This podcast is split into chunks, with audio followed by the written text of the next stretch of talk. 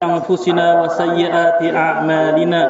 من يهده الله فلا مذل له ومن يضلل فلا هادي له. أشهد أن لا إله إلا الله وحده لا شريك له وأشهد أن محمدا عبده ورسوله. قال الله تعالى في القرآن الكريم يا أيها الذين آمنوا اتقوا الله حق تقاته ولا تموتن إلا وأنتم مسلمون. فإن أصدق الحديث كتاب الله وخير الهدي هدي محمد صلى الله عليه وسلم وشر الأمور محدثاتها وكل محدثة بدعة وكل بدعة ضلالة وكل ضلالة في النار معاشر المسلمين جماعة صلاة عيد yang dirahmati Allah Subhanahu wa taala Allahu akbar Allahu akbar Allahu akbar Allahu akbar walillahil hamd Ingatlah ma'asyiral muslimin betapa banyak kenikmatan yang Allah anugerahkan dan Allah limpahkan kepada kita semua. Allah Subhanahu wa taala telah memberikan petunjuk agama yang mulia, syariat yang sempurna. Dan Allah Subhanahu wa taala telah menjadikan kita menjadi umat dari nabi yang terbaik.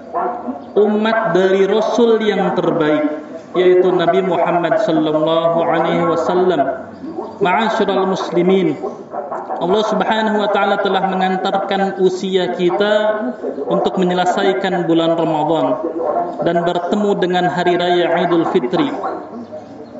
Kita telah melalui hari-hari yang penuh mulia, hari-hari yang penuh kebaikan, hari-hari yang penuh dengan kemuliaan yaitu hari-hari di bulan Ramadan. Kemudian hari ini Allah Subhanahu wa taala memberikan pengganti kebaikan yang lain yaitu hari raya Idul Fitri yang di dalamnya banyak sekali pengagungan kepada Allah Subhanahu wa taala. Gema takbir di mana-mana, dan hari ini kita kembali berbuka setelah satu bulan lamanya kita berpuasa. Ma'asyiral muslimin yang dirahmati Allah Subhanahu wa taala, setidaknya ada dua tujuan yang Allah Subhanahu wa taala tetapkan dari adanya hari raya Idul Fitri ini. Yang pertama di antara tujuan dari hari dari hari, hari raya Idul Fitri ini adalah agar kaum muslimin bersyukur dan memuji Allah Subhanahu wa taala karena Allah Subhanahu wa taala telah memberikan taufik dan hidayahnya sehingga kita bisa mengisi bulan Ramadan dengan puasa dan qiyam dan berbagai macam rangkaian-rangkaian ibadah rangkaian-rangkaian ibadah di bulan Ramadan yang mana di hari-hari biasa di luar bulan Ramadan sangat sulit untuk diwujudkan. Betapa sulitnya kita di hari-hari biasa untuk melaksanakan puasa sunnah. Betapa sulitnya kita di hari-hari biasa untuk melakukan sholat malam. Dan Allah Subhanahu wa taala mengetahui kekurangan hambanya. Maka dari itu Allah Subhanahu wa taala menjadikan satu bulan khusus.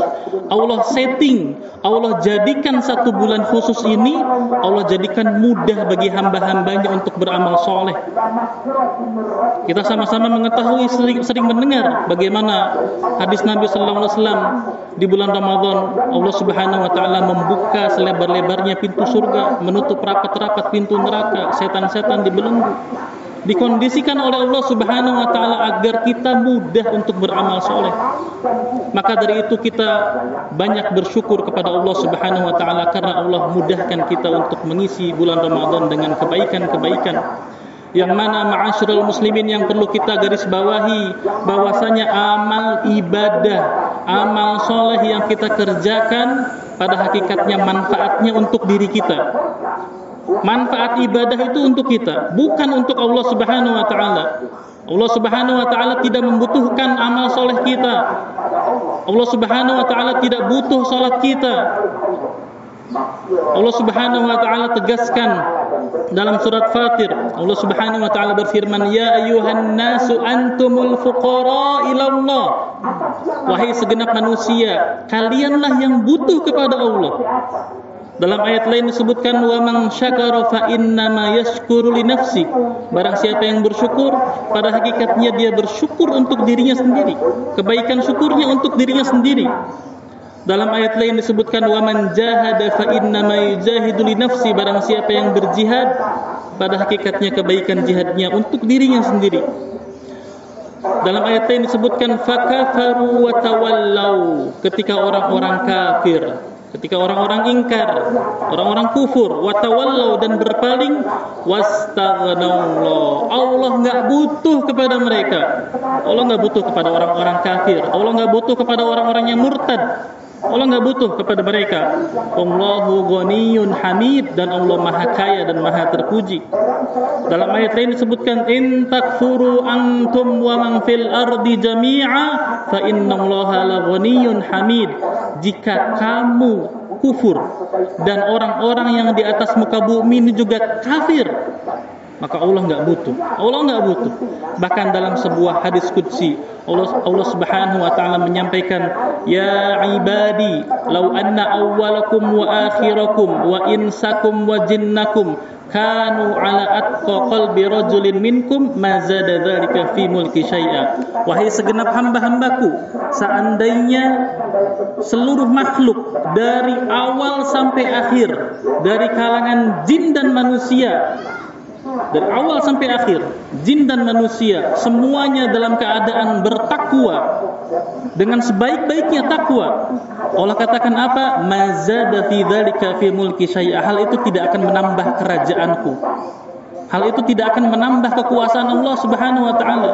Sebaliknya lau anna awwalakum wa akhirakum wa insakum wa jinnakum kanu ala afjari qalbi rajulin minkum seandainya seluruh manusia dan jin dari awal sampai akhir dalam kondisi kufur tidak beriman seluruh makhluk kafir. Allah katakan apa? Ma naqasa dzalika fi mulki syai'a. Hal itu tidak akan mengurangi kekuasaanku. Tidak akan mengurangi kekuasaan Allah Subhanahu wa taala.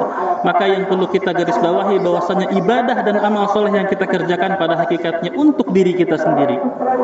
Kemudian tujuan dari hari raya Idul Fitri yang kedua adalah agar supaya kita bergembira bergembira atas kenikmatan yang Allah anugerahkan kepada kita kenikmatan yang Allah bolehkan kepada kita setelah sebelumnya kita satu bulan lamanya. Allah Subhanahu wa taala melarang kita untuk makan makanan yang halal.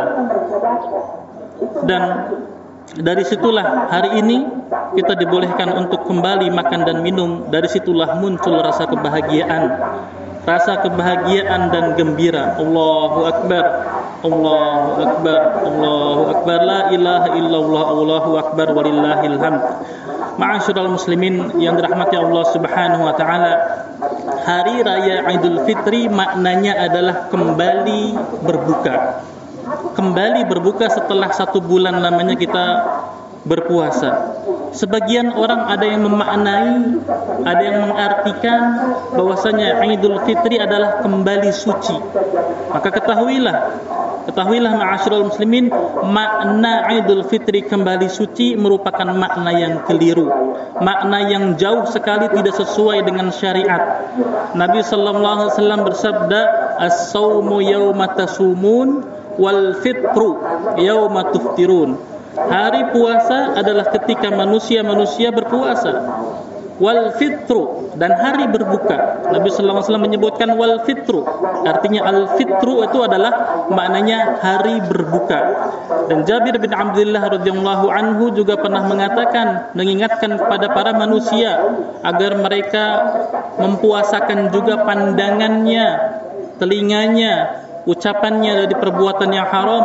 Beliau mengatakan wala taj'al yauma fitrika wa yauma siyamika sawa. Jangan jadikan hari berbukamu dan hari puasamu itu sama.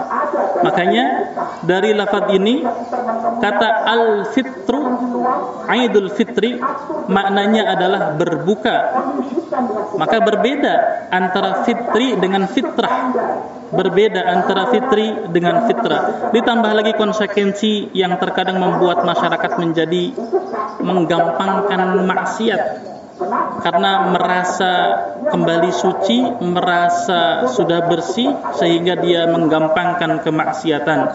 Padahal di bulan Ramadan banyak kaum muslimin yang puasanya masih kurang. Tarawehnya males-malesan apalagi di akhir-akhir Ramadan. Sudah jenuh, sudah capek, sudah bosan fokusnya mempersiapkan lebaran dan mudik. Maka bagaimana mungkin kekurangan dan kelalaian ibadah menjadikan seseorang itu kembali suci? Ma'asyiral muslimin yang dirahmati Allah Subhanahu wa taala yang dituntut kepada kita setelah beramal soleh adalah menghadirkan rasa khawatir jangan-jangan Allah Subhanahu wa taala tidak menerima amal ibadah kita. Karena tidak ada jaminan. Tidak ada jaminan amal ibadah so, ibadah kita diterima oleh Allah Subhanahu wa taala. Nabi Ibrahim alaihissalam Abul Anbiya kedudukan beliau adalah bapaknya para nabi. Beliau adalah khalilullah kekasihnya Allah Subhanahu wa taala. Dengan kedudukan yang sangat tinggi tersebut beliau diperintahkan oleh Allah Subhanahu wa taala untuk membangun Ka'bah. Ka'bah yang mana menjadi kiblatnya umat Islam dari masa ke masa. Menjadi kiblatnya umat Islam dari seluruh penjuru dunia. Ketika setelah membangun Ka'bah, Nabi Ibrahim alaihissalam tidak menepuk dada. Nabi Ibrahim tidak merasa bangga. Tetapi Nabi Ibrahim alaihissalam merasa khawatir jangan-jangan amal ibadahnya tidak diterima oleh Allah Subhanahu wa taala sehingga beliau berdoa Rabbana taqabbal minna innaka antas samiul alim. Ya Allah terimalah amal ibadahku ini. Terimalah amal ibadahku ini ya Allah. Ya. Aisyah radhiyallahu anha istri Nabi sallallahu alaihi wasallam pernah bertanya tentang surat Al-Mu'minun ayat 60 ketika Allah Subhanahu wa taala berfirman walladzina yu'tuna ma atau dan orang-orang yang beribadah amal-amal yang orang-orang yang beramal soleh. Wa qulubuhum wajilah. Bersamaan dengan itu mereka beramal soleh bersamaan dengan itu hati mereka khawatir. Hati mereka takut. Hati mereka was-was. Annahum ila rabbihim raji'un. Bahwasanya mereka akan dikembalikan kepada Rabb mereka. Maka Aisyah radhiyallahu anha merasa terheran. Bagaimana mungkin mereka beribadah tetapi hatinya takut Makanya bertanya kepada Rasulullah, "Wahai Rasulullah, apakah mereka mencuri? Apakah mereka minum khamar?" Maka Rasulullah SAW menjawab, "La ya bintus Siddiq, tidak wahai putri Abu Bakar As-Siddiq." Justru mereka itu adalah orang-orang yang sholat, orang-orang yang berpuasa, orang-orang yang bersedekah, orang-orang yang selalu bersemangat beramal soleh, tetapi bersamaan dengan itu mereka merasa was-was, takut, khawatir jangan-jangan Allah Subhanahu wa taala tidak menerima amal ibadah mereka. Inilah perasaan yang harus diwujudkan di hati kita setelah kita beramal soleh selama satu bulan lamanya di bulan Ramadan dari puasanya, dari tarawehnya, dari sedekahnya dan lain sebagainya khawatir jangan-jangan Allah Subhanahu wa taala tidak menerima amal ibadah kita. Ma'asyiral muslimin yang dirahmati Allah Subhanahu wa taala di hari yang berbahagia ini ada beberapa hal yang ingin khatib sampaikan berupa peringatan-peringatan Semoga peringatan ini bermanfaat untuk kaum muslimin. Allah Subhanahu wa taala berfirman, "Fadzakir fa inna dzikra tanfa'ul mu'minin." Berilah peringatan, sesungguhnya peringatan itu bermanfaat untuk orang-orang yang beriman. Peringatan yang pertama Ma'asyiral muslimin yang dirahmati Allah Subhanahu wa taala di antara dosa yang tersebar pasca Ramadan di hari raya adalah bersalam-salaman antara laki-laki dan perempuan yang bukan mahram. Silaturahmi yang seharusnya mendatangkan kebaikan dan pahala ini ternodai. Ternodai dengan perbuatan yang diharamkan oleh Nabi sallallahu alaihi wasallam. Nabi sallallahu alaihi wasallam bersabda, beliau mengatakan la an yut'ana fi ra'si rajulin min bimikhyatin min hadid. Ditusuknya kepala seseorang dengan besi yang panas, khairun lahu itu lebih baik.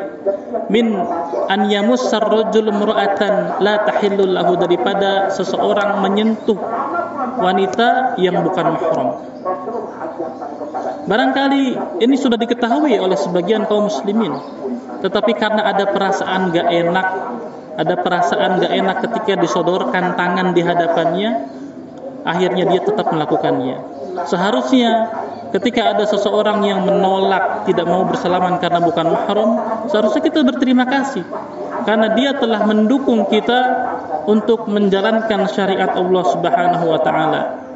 Ma'asyiral muslimin yang dirahmati Allah Subhanahu wa taala, berpegang teguhlah terhadap ajaran agama Islam.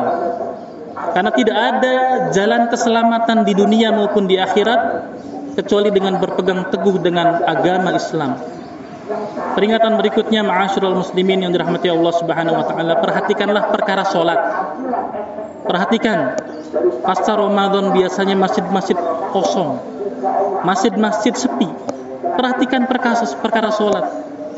Salat yang mana menjadi rukun Islam yang terbesar setelah dua kalimat syahadat.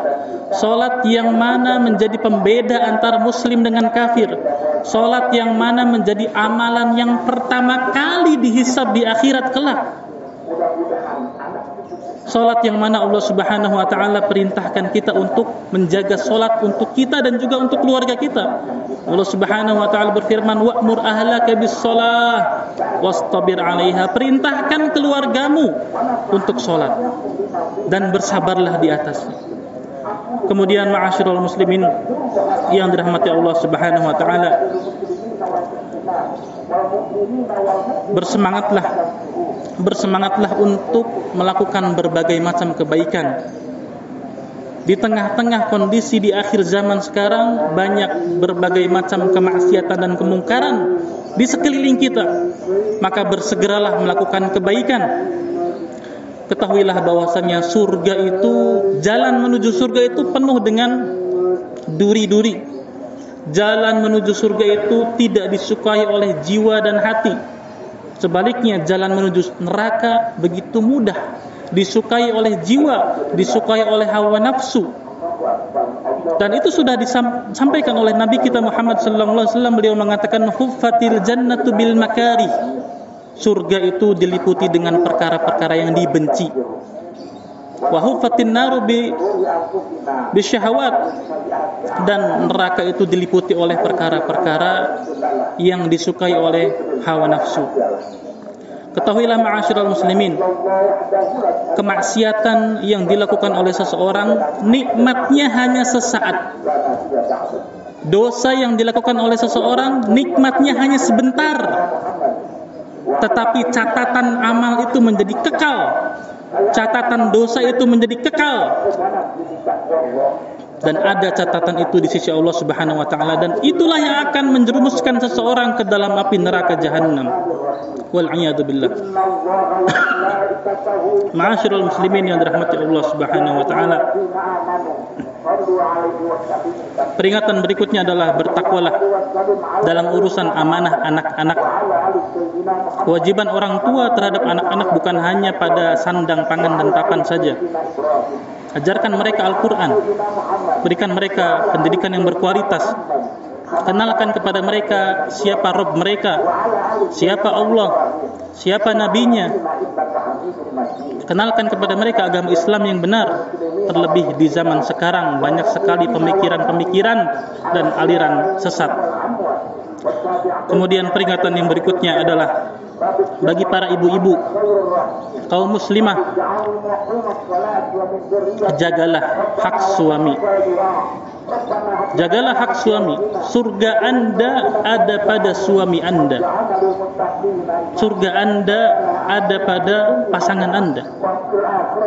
Bantulah suami anda untuk menjadi hamba Allah yang taat bantulah suami anda untuk berbakti kepada orang tuanya. Kemudian pakailah pakaian yang ditentukan dan diperintahkan oleh Allah Subhanahu wa taala dengan pakat dengan pakaian yang mulia tersebut dengan pakaian yang diperintahkan oleh Allah Subhanahu wa taala tersebut pakaian yang menutup aurat anda akan menjadi mulia terjaga dan mendapatkan ridho dari Allah Subhanahu wa taala Ma'asyiral muslimin yang dirahmati Allah Subhanahu wa taala. Allahu akbar, Allahu akbar, la ilaha illallah, Allahu akbar. Allahu akbar walillahil hamd. Innallaha wa malaikatahu yusalluna 'alan nabi. Ya ayyuhalladzina amanu sallu 'alaihi wa sallimu taslima. اللهم صل على محمد وعلى آل محمد كما صليت على إبراهيم وعلى آل إبراهيم إنك حميد مجيد. وبارك على محمد وعلى آل محمد كما باركت على إبراهيم وعلى آل إبراهيم إنك حميد مجيد. اللهم اغفر للمؤمنين والمؤمنات والمسلمين والمسلمات. الأحياء منهم والأموات إنك سميع قريب مجيب الدعوات ويا قاضي الحاجات. اللهم آت نفوسنا تقواها وزكها أنت خير من زكاها أنت وليها ومولاها. ربنا ظلمنا أنفسنا وإن لم تغفر لنا وترحمنا لنكونن من الخاسرين اللهم إنا نسألك الهدى والتقى والعفاف والغنى ربنا آتنا في الدنيا حسنة وفي الآخرة حسنة وقنا عذاب النار ربنا تقبل منا إنك أنت السميع العليم وتب علينا إنك أنت التواب الرحيم وبالله التوفيق والهداية taqabbalallahu minna wa minkum salihal a'mal. Semoga Allah Subhanahu wa taala menerima amal ibadah kita selama bulan Ramadan. Wabillahi taufiq hidayah. Wassalamualaikum warahmatullahi wabarakatuh.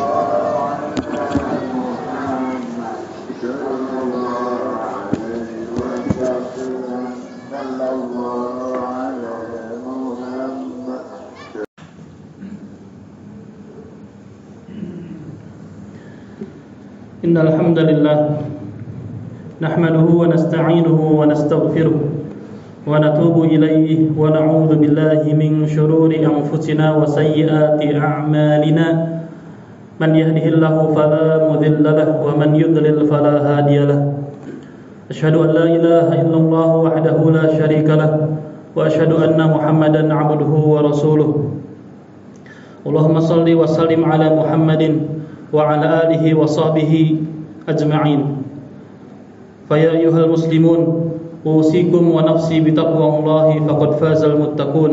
قال الله تعالى في القرآن الكريم يا أيها الناس اتقوا ربكم الذي خلقكم من نفس واحدة وخلق منها زوجها وبث منهما رجالا كثيرا ونساء. واتقوا الله الذي تساءلون به والأرحام إن الله كان عليكم رقيبا. Ma'asyiral muslimin, jamaah salat Jumat yang dimuliakan Allah Subhanahu wa taala. Mengawali khutbah kali ini, khatib wasiatkan kepada diri pribadi dan juga jamaah salat Jumat yang dimuliakan Allah Subhanahu wa taala, marilah kita senantiasa terus meningkatkan keimanan dan ketakwaan kita kepada Allah Subhanahu wa taala. Terus kita tingkatkan kualitas iman kita dan ketakwaan kita kepada Allah Subhanahu wa taala dengan selalu berusaha menjalankan apa yang diperintahkan oleh Allah dan Rasulnya baik itu yang wajib dan juga yang sunnah dan juga berusaha semaksimal mungkin untuk meninggalkan apa yang dilarang oleh Allah dan Rasulnya. Karena ma'asyiral muslimin yang dirahmati Allah Subhanahu wa taala tidaklah kita menjadi semakin mulia kecuali dengan bertakwa Allah Subhanahu wa taala berfirman, "Inna akramakum 'indallahi atqakum." Sesungguhnya orang yang paling mulia di antara kalian, orang yang paling yang paling mulia di sisi Allah Subhanahu wa taala adalah yang paling bertakwa. Ma'asyiral muslimin rahimani wa rahimakumullah. Dan ketakwaan tidak mungkin diraih, tidak mungkin kita meraih ketakwaan kecuali dengan menuntut ilmu agama, kecuali dengan mengaji. Maka ketika seorang muslim semakin menambah wawasannya terhadap agama Islam, semakin dia pelajari Al-Qur'an, semakin dia pelajari hadis-hadis Nabi sallallahu alaihi wasallam, maka bersamaan dengan itu kualitas keimanan dan ketakwaannya semakin meningkat Ma'asyiral muslimin rahimani wa rahimakumullah. Di hari-hari akhir, hari-hari akhir tahun Masehi ini kita dapatkan, kita melihat, kita mendengar di berbagai media, di jalanan, bahkan di handphone kita, tulisan-tulisan yang memberikan selamat, Merry Christmas atau selamat Natal kepada saudara-saudara sebangsa kita yaitu umat Nasrani. Sebagian kaum muslimin menganggap bahwasanya hal ini adalah hal yang lumrah, hal yang biasa, hanya sekedar kata-kata, hal yang bahkan ikut-ikut meramaikan. Padahal kaum muslimin yang dirahmati Allah Subhanahu wa taala ini memang hanya sekedar kata-kata. Dan seseorang ketika masuk Islam pun juga hanya sekedar kata-kata mengucapkan kalimat syahadat. Tetapi banyak konsekuensi di balik semua itu. Maka mengucapkan selamat kepada peribadatan agama lain itu memiliki konsekuensi yang sangat besar bagi seorang muslim karena terkait dengan keimanan, terkait dengan akidah yang kita pegang. Mengapa demikian? Karena sejak Allah Subhanahu wa taala mengirimkan atau mengutus nabi kita Muhammad sallallahu alaihi wasallam sebagai nabi, sebagai utusan, sebagai nabinya umat Islam, Allah Subhanahu wa taala telah menegaskan Allah tegas menyebutkan tentang dirinya di dalam surat yang sangat populer di dalam surat yang semua kita sudah hafal bahkan sejak kecil kita sudah menghafalnya yaitu surat Al-Ikhlas Allah Subhanahu wa taala berfirman qul huwallahu ahad qul katakanlah wahai Muhammad huwallahu ahad bahwasanya Allah Maha Esa. Allahus Samad, Allah itu As-Samad, tempat bergantungnya seluruh makhluk. Lam yalid walam yulad. Allah tidak melahirkan. Walam yulad dan Allah tidak dilahirkan. Walam yakul lahu kufuwan ahad dan tidak ada sesuatu pun yang setara.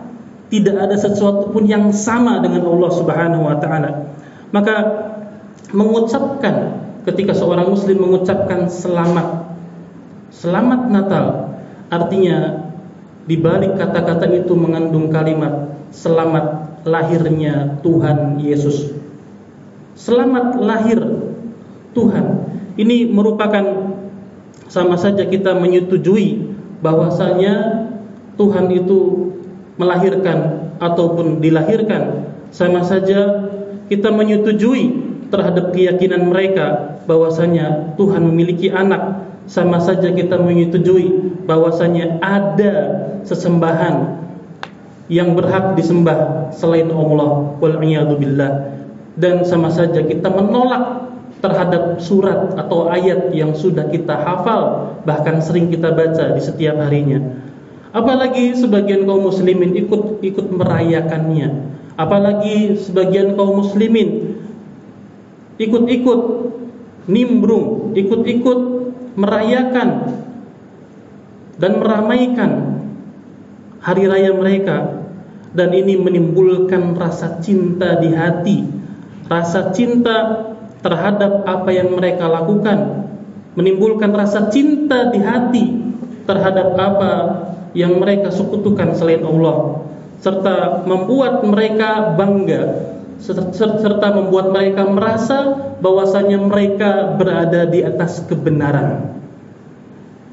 Syekh Muhammad At-Tamimi rahimahullah mengatakan di dalam kitab Tauhid, "Anna man ata'a rasul wa la yajuzu lahu muwalatu man haddallah wa rasulahu walau kana aqraba qaribin." Bahwasanya orang yang taat kepada Rasulullah orang yang mentauhidkan Allah maka tidak boleh berkasih sayang dengan orang-orang kafir.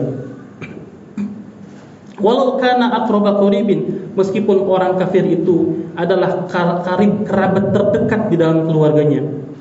Allah Subhanahu wa taala berfirman dalam surat Al-Mujadalah ayat 22, "La tajidu qauman yu'minuna billahi wal yawmil akhir yuwadduna man hadda Allah wa rasulahu walau kanu aba'ahum au abna'ahum au ikhwanahum au ashiratahum. Allah Subhanahu wa taala mengatakan kau tidak akan mendapati orang-orang yang beriman kepada Allah dan hari kiamat mereka berkasih sayang mereka punya rasa cinta di hatinya kepada orang-orang yang membangkang kepada Allah dan Rasulnya. Walau kanu aba'ahum meskipun orang-orang kafir itu adalah ayah-ayah mereka sendiri. Au abna'ahum atau meskipun orang-orang kafir itu adalah anak kandung mereka sendiri.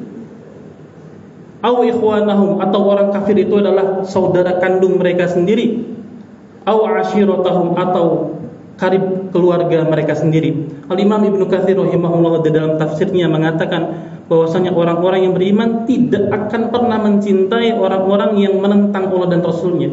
Artinya adalah orang-orang yang orang-orang kafir. Kemudian Imam Ibnu Katsir mengatakan yang dimaksud ayat ini walau kanu aba'ahum meskipun orang-orang kafir itu adalah ayah-ayah kandung mereka sendiri, beliau mengatakan seperti kisahnya Abu Ubaidah yang membunuh ayahnya sendiri ketika perang Badar. Au abna'ahum atau seperti orang-orang kafir itu adalah anak-anak kandung mereka sendiri seperti Abdurrahman yang dibunuh oleh bapak kandungnya sendiri ketika perang Badar. Au ikhwanahum au atau saudara kandungnya sendiri seperti kisah Mus'ab bin Umair ketika perang Badar membunuh saudaranya sendiri yaitu Ubaid bin Umair au ashiratahum atau karib keluarga mereka sendiri seperti tiga orang sahabat seperti kisah Hamzah Ali bin Abi Thalib dan Ubaidillah bin Harith yang membunuh kerabatnya sendiri ketika perang Badar yaitu Utbah, Syaibah dan Al-Walid bin Utbah. Ma'asyiral muslimin rahimani wa rahimakumullah ayat ini atau kisah-kisah ini atau tafsiran ayat ini tidak memerintahkan kita untuk intoleran terhadap non-muslim. Sama sekali tidak. Ayat ini tidak mengajarkan kepada kita untuk keras kepada orang-orang kafir. Sama sekali tidak. Umat Islam dianjurkan untuk berakhlakul karimah untuk menunjukkan sikap yang baik kepada orang-orang non-muslim. Karena itu merupakan sarana dakwah agar mereka melihat bahwasanya Islam adalah rahmatan lil alamin, penuh dengan kasih sayang. Tetapi batasannya sampai mana? Allah Subhanahu wa taala berfirman, "La yanhaakumullahu 'anil ladzina lam yuqatilukum fid din wa lam yukhrijukum min diyarikum an tabarruhum wa tuqsitu ilaihim." Allah Subhanahu wa taala tidak melarang kalian berbuat baik kepada orang kafir selama mereka tidak memerangi kalian, selama mereka tidak mengusir kalian, Allah Subhanahu wa taala tidak melarang kalian untuk berbuat baik dan berlaku adil kepada mereka. Maka perlu kita fahami bahwasanya berbuat baik itu berbeda dengan sikap loyalitas kepada mereka. Sikap berbuat baik itu sangat dianjurkan.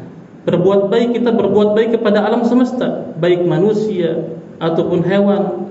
Berbuat baik kepada seorang muslim ataupun non muslim akan tetapi sikap loyalitas, sikap kecintaan di dalam hati itu tidak diperkenankan sama sekali diberikan kepada orang-orang kafir. Syekh Muhammad uh, Al-Mustafa Al-Adawi menjelaskan dalam kitab tafsirnya bahwasanya berbuat baik ataupun berlaku adil kepada orang-orang kafir tidak menjadikan rasa cinta dan kasih sayang kepada orang-orang kafir seperti layaknya seorang anak yang tetap diperintahkan oleh Allah Subhanahu wa taala untuk berbuat baik kepada orang tuanya yang kafir. Tetap kita diperintahkan seandainya kita memiliki orang tua yang kafir maka tetap kita diperintahkan untuk berbuat baik dan bakti kepada mereka akan tetapi dia tetap harus membenci terhadap agama orang tuanya. Kita hanya diperintahkan untuk benci terhadap agamanya saja. Ingatlah prinsip kita lakum dinukum waliyadin. Untukku untukmu agamamu dan untukku adalah agamaku. Dan kita semua sudah belajar PPKN bagaimana batasan-batasan toleransi yang dibenarkan baik menurut agama ataupun secara undang-undang yaitu makna toleransi adalah bukan ikut-ikutan terhadap ritual agama mereka. Bukan pula memasang atribut-atribut agama mereka. Karena itu semua tidak lain dan tidak bukan sama saja kita ikut-ikutan atau terpengaruh terhadap apa yang mereka yakini dan apa yang mereka rayakan. Kita memberikan toleransi agama lain artinya kita memberikan kebebasan kepada mereka untuk menjalankan peribadatan mereka, untuk merayakan hari raya mereka tanpa kita ikut-ikutan terhadap apa yang mereka lakukan. Semoga Allah Subhanahu wa taala selalu menjaga keutuhan keimanan kita dan ketauhidan kita dan akidah kita sehingga kita tidak mencampurkan keimanan dengan kekufuran, tidak mencampurkan keimanan kita dengan keyakinan-keyakinan yang menyesatkan. Aku lu kau lihada wa astaghfirullah li wa lakum wa muslimina min kulitan dhanbin wa khati'atin fastaghfiruh innahu huwal ghafurur rahim.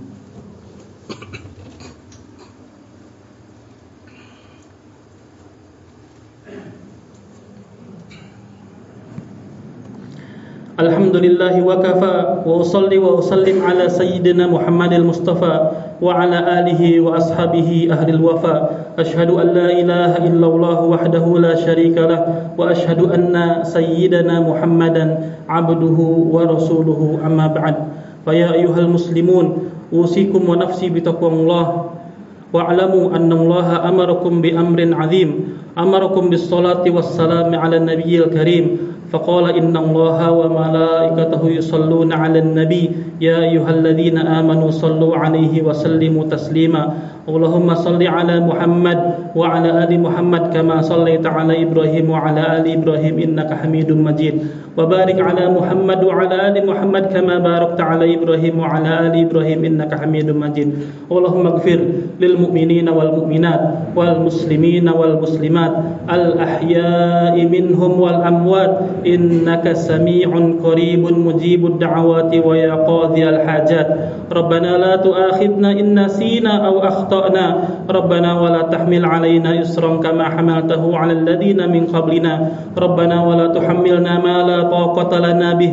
واعف عنا واغفر لنا وارحمنا أنت مولانا فانصرنا على القوم الكافرين. اللهم إنا نسألك الهدى والتقى والعفاف والغنى. اللهم أحسن عاقبتنا في الأمور كلها. وأجرنا من الدنيا وعذاب الآخرة. ربنا آتنا في الدنيا حسنة وفي الآخرة حسنة وقنا عذاب النار. والحمد لله رب العالمين. عباد الله إن الله يأمركم بالعدل والإحسان وإيتاء ذي القربى وينهى عن الفحشاء والمنكر والبغي يعظكم لعلكم تذكرون. فاذكروا الله العظيم يذكركم ولذكر الله أكبر.